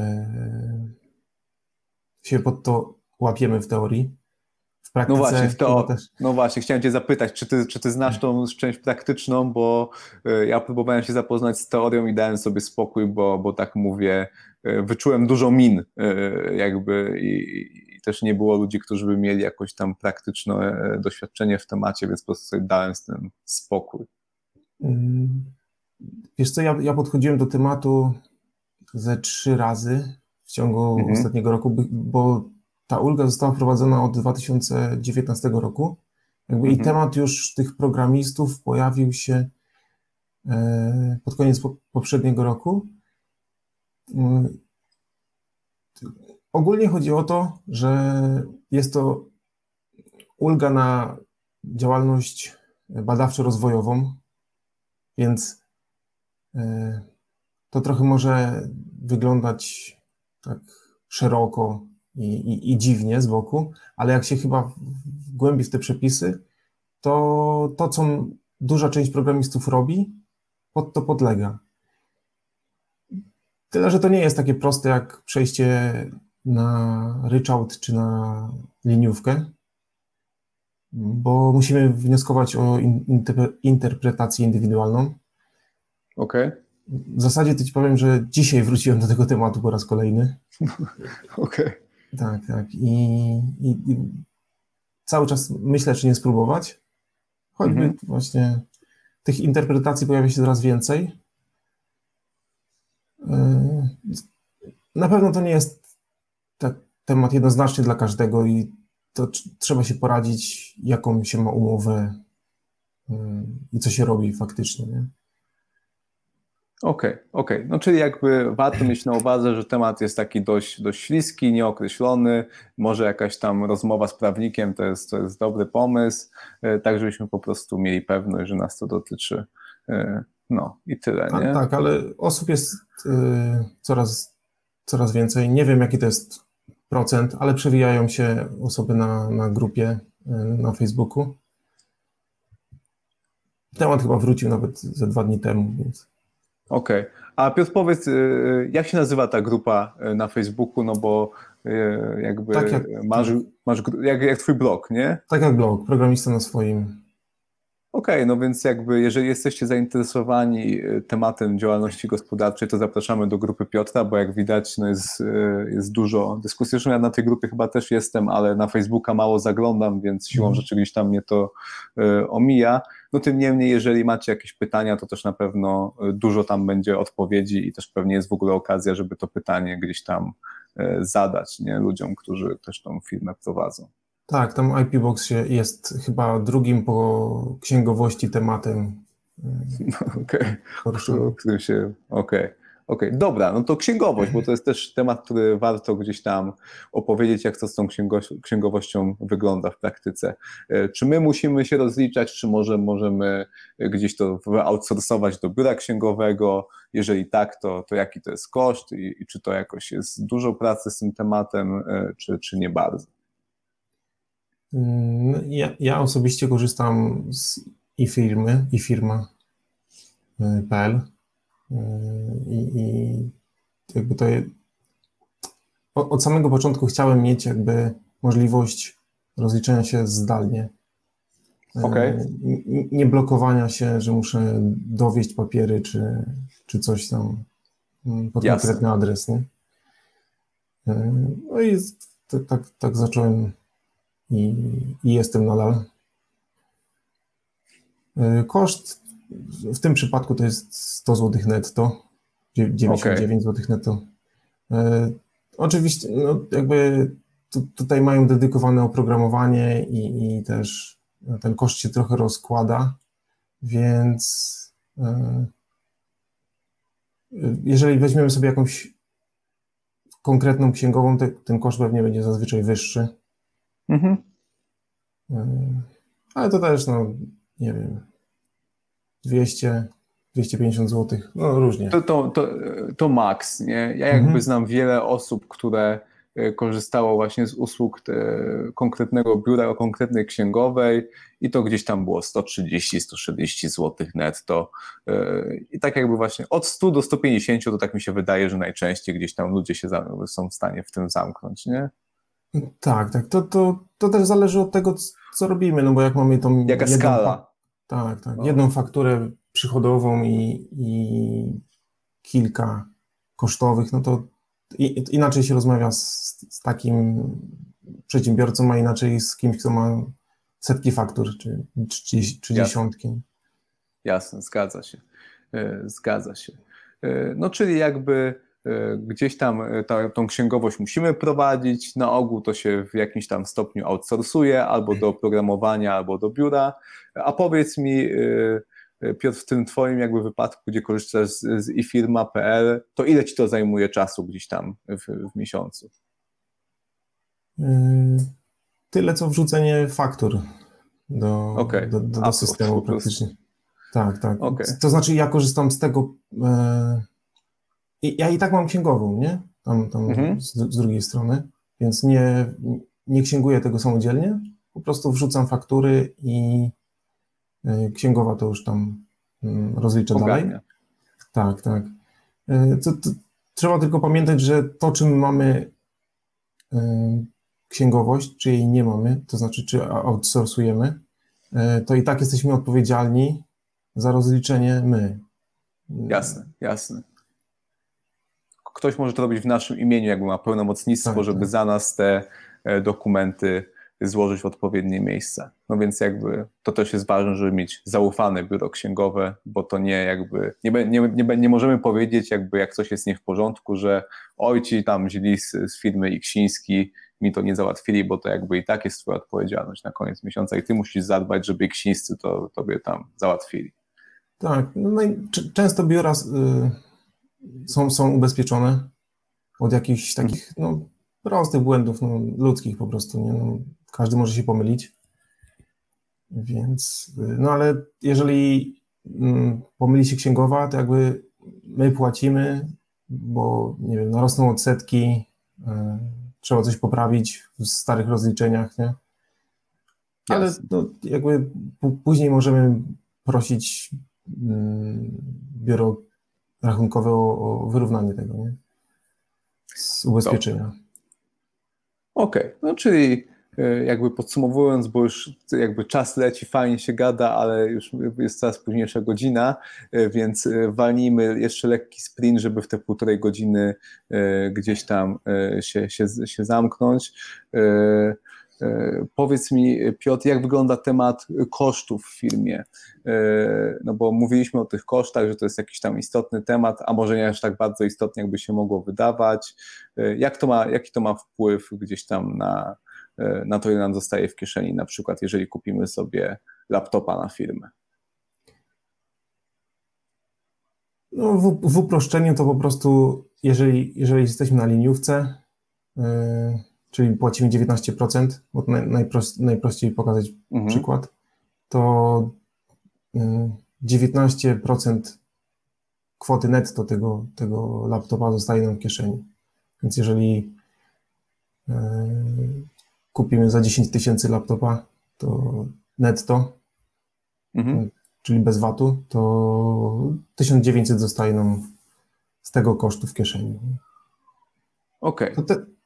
Tylko, tylko jakby wydaje mi się, że właśnie, że, że takie te koszty są trochę przeceniane, nie? Bo to, to nie jest tak, jak się może wydawać, że każdy tutaj sobie wrzuca wszystko, co idzie i, i nie płaci podatków, nie? Tak jak chcesz, chcesz uzbierać uczciwie koszty związane z działalnością, to to nie ma tego dużo. Nie, Raz wyposażysz te... biuro, e, kupisz laptopa, peryferie jakieś tam. I, I, przez pięć lat masz spokój, nie? E, no, no więc ja, ja jakby też z doświadczenia wiem, że, że to faktycznie e, nie jest aż, aż tak jakby dużo. Gdzieś tam E, ja już po prostu staram sobie jakoś poprawić humor i sobie na przykład biorę subskrypcję jakiegoś fajnego software'u, żeby sobie to gdzieś tam też mhm. te, te koszta podnieść, które faktycznie mi wnosi wartość w pracy, a którego może bym sobie nie kupił, gdyby tego, tych, tych koszt jakby nie mógł sobie odpisać, nie? No więc jakby można trochę kombinować, ale tak naprawdę E, realnie, to, to nie masz takiego wielkiego, wielkiego wpływu. No chyba, że ktoś faktycznie jest na etacie, zastanawia się nad działalnością gospodarczą i ma świadomość, że na przykład będzie dość dużo miał takich wydatków do, e, do poniesienia, bo chce sobie kupić komputer, biurko i tak dalej, no to mhm. faktycznie wtedy, kiedy i tak mamy do poniesienia te, te ileś takich kosztów, no to, to, to zyskamy na tym, że tę firmę otworzymy i że sobie to odpiszemy, nie? No, E, no ale to tak jak mówisz, to nie jest jakoś tak, żeby, żeby to się po prostu działo co miesiąc. Nie? Tak, tak, tak, ale jak, tak jak wspomniałeś, są, są takie koszty typu jakieś licencje, e, kursy można wrzucać, można. E, o, to, to jest fajny koszt. Książki mhm. związane tak. z programowaniem, kursy, to jest też coś, co można sobie odpisywać jako, jako koszt. Kursy językowe, pod warunkiem, że jakby związane są też z bieżącą działalnością, nie? Jasne. Nie, nie tak, że współpracujesz z Ameryką, a robisz kurs, kurs chi, chińskiego. No tak. E, na to, e, na to trzeba e, uważać. A powiedz mi, takie najpopularniejsze koszty chyba wymieniliśmy wszystkie, nie? Nic tam jakby poza tymi takimi rzeczami, które nam służą do pracy, sobie raczej jako programiści nie odpisujemy, nie? Jak to wygląda temat z tą słynną benzyną, jak jest się z programistami? To jakoś tam te koszty związane z eksploatacją samochodu można sobie odpisywać, nie można? Ja, bo ja tego nie wiem, bo nie mam samochodu. Aha, nie, akurat samochód to jest jeden z tych takich uniwersalnych, powiedzmy, kosztów. Yy, więc to praktycznie w każdej działalności jest jakieś uzasadnienie. Okej. Okay. Więc tak, samochód plus yy, koszty eksploatacji. No, to, to jeszcze kwestia jakby, nie wiem, leasing może na firmę, to też o. jest jakaś taka, um, jakiś taki temat, który z zewnątrz wygląda fajnie. tak, oswedzę Porsche, nie? Tak. Ale okay. to jest jakby no, realny koszt, który trzeba ponieść, nie? To nie jest coś, co coś wymyślone, nie? Że nagle nam tutaj podatek e, schodzi do zera, nie? No jasne, jasne. E, dobra. E, tutaj też padło pytanie e, od Andrzeja, całkiem ciekawe, czy my jakoś możemy się chronić przed tą odpowiedzialnością finansową na B2B, czy to można ograć gdzieś tam na poziomie umowy, jak to wygląda? Mamy taką możliwość, nie mamy takiej możliwości? Nie chcę odpowiadać na to jednoznacznie, bo nie wiem. Ja również nie wiem chociaż wydaje mi się, że skoro to jest umowa cywilnoprawna, to, to jesteśmy w stanie umieścić w umowie zapis, który tą jakby odpowiedzialność ograniczy e, do mhm. jakiegoś tam ściśle określonego progu, na który obydwie strony się zgodzą.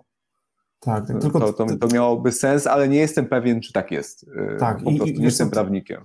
Tak, to co powiedziałeś, y, to chyba się zgadza z tym, że nadal jest opcja, jeżeli e, zrobimy jakąś szkodę na kwotę nieproporcjonalnie y, dużą do tej zapisanej w umowie, nadal y, ten zleceniodawca ma prawo sądzić taką umowę. Okej. Okay. Opcją jest założenie spółki pewnie i no odpowiednie tak, to... jakby ogłoszenie upadłości w odpowiednim czasie, jeżeli no tak, są jakby, są jakby te inne formy prowadzenia y, firmy, bardziej y, powiedzmy gdzieś tam złożone prawnie, gdzie wtedy możemy tą odpowiedzialność y, przenieść na, ten, na tą jakby osobowość prawną naszej firmy, a, a nie ponosić jej jako, jako tam Piotr Prądzyński albo Marcin Czarkowski, nie? Mhm. Więc jakby z tym trzeba się liczyć, ale jakby, no bo nie wiem, jaką miałeś intencję, Andrzej, jeżeli się tego też jakoś tak boisz, to cię jakoś tak mocno blokuje, to ja też bym jakoś może nie przesadzał, nie? No bo na, na to, jakby to trzeba mieć e, na uwadze, e, ale to też nie jest tak, że to jest realny problem każdego przedsiębiorcy. To tak naprawdę wydaje mi się, że jest w praktyce problem nielicznych przedsiębiorców e, tak naprawdę, bo e, no wiadomo, zależy czym się zajmujesz. Jeżeli, jeżeli jakby programujesz e, jakieś tam mm, przyrządy medyczne i tak dalej, to, to pewnie to jest istotniejsze niż jak na przykład robisz sklep internetowy, nie? No, no to jakby trzeba też dostosować do tego, czym się zajmujemy. No tym niemniej, ja osobiście na przykład nie znam nikogo, kto by jakąś tam osobą odpowiedzialność finansową na dużą skalę e, na skutek e, swojej działalności poniósł. Nie wiem, jak to tam wygląda, jak, jaką ty masz opinię i też doświadczenia na ten temat, Piotr? Mm, no, prakty, praktycznego doświadczenia nie mam dużego. E, można się ubezpieczyć. Można, są OC dedykowane jakby działalności programistycznej. Nie ma tego dużo.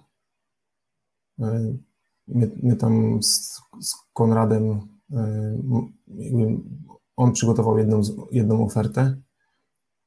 Z tym, że jakby mm, w Polsce jest to mm, ten etat i, i B2B, jeżeli ktoś proponuje, stara się jednakowo traktować takich pracowników, nie?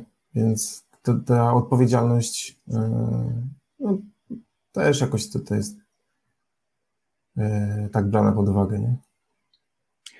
No jasne, no, no jakby też e, to też nie jest tak, że gdzieś tam ten twój kontrahent e, będzie próbował cię naciągnąć, bo on nie może tego zrobić, nie? Bo, bo to też nie jest tak, że możesz komuś powiedzieć, a mi spowodowałeś szkodę 100 tysięcy, płać teraz, nie? A jak nie, to, to komornik. To też nie jest tak, to nie jest łatwe, że, bo tą statę trzeba udowodnić, no, no i to też jest tak, jeżeli na przykład taka firma ma 20 osób, z którymi współpracuje w oparciu o B2B, no to one też się dowiedzą, jakby jak ktoś tam będzie próbował E, ktoś tam na, si na siłę jakieś tam szkody po prostu komuś udowadniać, więc to też jest kwestia jakiejś tam reputacji, e, no, chodzenia po sądach, to też nie jest, to no, ludzie to robią w ostateczności, nie? A, a nie, że to jest jakby coś, gdzie tam po prostu musisz się zastanawiać, że ktoś tam będzie próbował e, cię naciągnąć. Raczej nie, raczej nie po prostu. Tak, no tylko trzeba mieć na uwadze, że jeżeli no, ktoś takie coś tam próbuje wpisać w, nam w umowę, to, to, to już Trzeba zapytać dlaczego, nie? Tak, do, nie dokładnie, no. dokładnie. Dokładnie tak. E, dobra, e, to może tak e, na koniec, Piotr, czy masz jakieś rady dla początkujących przedsiębiorców, na co uważać, na co może aż tak nie uważać, co by mogło się wydawać na początku takie ważne, a wcale aż takie nie jest? Co, co byś po prostu tam gdzieś tam na koniec od siebie powiedział? No, na pewno e, kwestia tych kosztów, która z zewnątrz to zawsze wydaje się super, e, że to, to no nie będziemy podatku płacić wcale. To, to, to tak nie wygląda. E, pamiętać też trzeba, o czym ja na początku nie wiedziałem albo nie byłem na tyle świadomy, że jakby doradztwo finansowe, doradztwo podatkowe, przepraszam, a księgowość to, to dwie różne rzeczy, nie? Biuro rachunkowe, gdzie, które zajmuje się tylko księgowością, ono nie ma e, nic wspólnego z doradzaniem ci, jaki ty podatek powinieneś płacić. W małym stopniu ma. Nie? E, jeżeli naprawdę chce się mm, poradzić, to, to, to od tego są mm, doradcy, doradcy podatkowi. I ja jakby y, na początku o tym nie, nie tyle, że nie wiedziałem, ale myślałem, że to jest, wiesz, każda księgowa ci tu powie, o, pan to, to, to, to tamto zrobi i już te koszty wrzuci i będzie tak fajnie, nie? A to, no, y, to jest tylko kwestia, księgowość jest kwestią jakby y, pilnowania rachunków i no, no jasne, jakby tak naprawdę to, to się wydaje mocno ze sobą powiązane, aż tak bardzo nie jest. I też tak w praktyce powiem, że często księgo, księgowość jest niechętna e, trochę do takich tematów związanych z optymalizacją podatkową i tak dalej. Oni wręcz ci będą często odradzali, no bo to jest coś takiego, że oni tak naprawdę chcą, żebyś ty tych podatków zapłacił jak najwięcej i e, to jakby wcale nie jest w, w interesach gdzieś tam twoje, twojej księgowości, żeby jakoś cię mocno wspierać w tych tematach takiej optymalizacji podatkowej, bo nie dość, że oni się na tym nie znają, plus to im się trochę kojarzy z tym, a co jak po prostu będzie jakaś kontrola z urzędu y, i sobie problemów narobimy, nie? No więc trzeba mhm. pamiętać o tym, że, że to często jest jakaś tam kwestia sprzecznych interesów i, i tej pomocy, wiedzy trzeba szukać y, gdzie indziej. Tak, poza tym to jest też kwestia jakby, no, nie, nie wiem, czy regulowana, kwestia doradców podatkowych, a księgowości, nie? To, to na pewno, na pewno, mhm. E, bo, bo, to normalnie, żeby być doradcą podatkowym, to chyba trzeba być magistrem prawa z tego, z tego co tam mi się e, kojarzy. Tak, i, i księgowość jakby jest taki, taki punkt obrony przed urzędem skarbowym, nie? Bo, mhm. bo też, też yy, dopyta, czy na pewno ten koszt wrzucać. To, to, to nie jest tak, że, że, że zabroni wrzucić, bo nie może ale jakby jeżeli komuś się wydaje, o tutaj często mamy, ktoś tu wrzuca odkurzacz w koszta, nie? To, to no ale ten urząd skarbowy to często, często anuluje, powiedzmy tak. Nie? No właśnie. E, no właśnie. No więc jakby e, to jest, to jest słuszna, słuszna uwaga. E, że, że z tą księgowością to nie jest tak, że my od razu tam po prostu e, gdzieś tam na Maroko będziemy e, nie wiadomo jakieś tam dziwne, dziwne rzeczy robić, tak jak nam ludzie w, książ w książkach czasami polecają gdzieś tam albo na jakichś blogach w internecie, to to nie jest tak w praktyce, nie? Tak, druga sprawa, że to tej optymalizacji finansowej na jednoosobowej działalności też nie ma jakiejś wielkiej. No teraz mo, może ten, ten wspomniany wcześniej IP Box jest jakimś tam wyjściem, ale nie jest takim e, bezpośrednim, nie? Bo już trzeba Jasne. więcej rzeczy zrobić. Okej. Okay. E, no dobra, Piotr, to chyba e, jakby wszystko. Przelecieliśmy przez te jakby najważniejsze tematy moim zdaniem. Jeżeli, droga widowno, macie jeszcze jakieś pytania, coś jest dla Was niejasne, coś jest istotne, to jeszcze jest chwila, żeby te e, pytanie zadać. A Piotr, opowiedz, gdzie Cię można znaleźć w internecie? Jeżeli ktoś po prostu na to pytanie wpadnie później albo chce e, gdzieś tam się doedukować jeszcze w temacie działalności gospodarczej, to gdzie może Ciebie znaleźć albo materiały, które przygotowałeś w przyszłości? No, najlepiej wejść na, na bloga programista na swoim.pl i tam są odnośniki i do, i do grup na Facebooku, i do Twittera.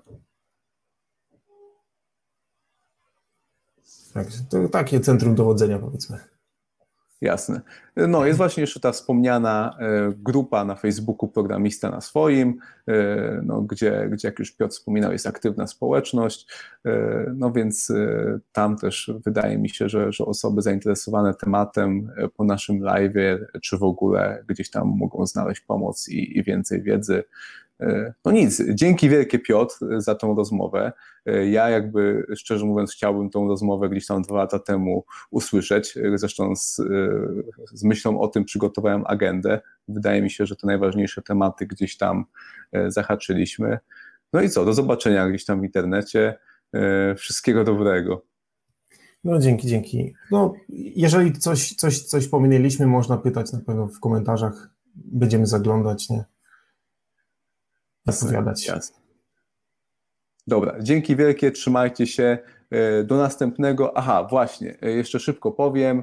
E, następny live już niedługo, bo we wtorek Przemek będzie rozmawiał z Coders Lab o jakby realiach tworzenia kursów, prowadzenia firmy szkoleniowej IT w Polsce.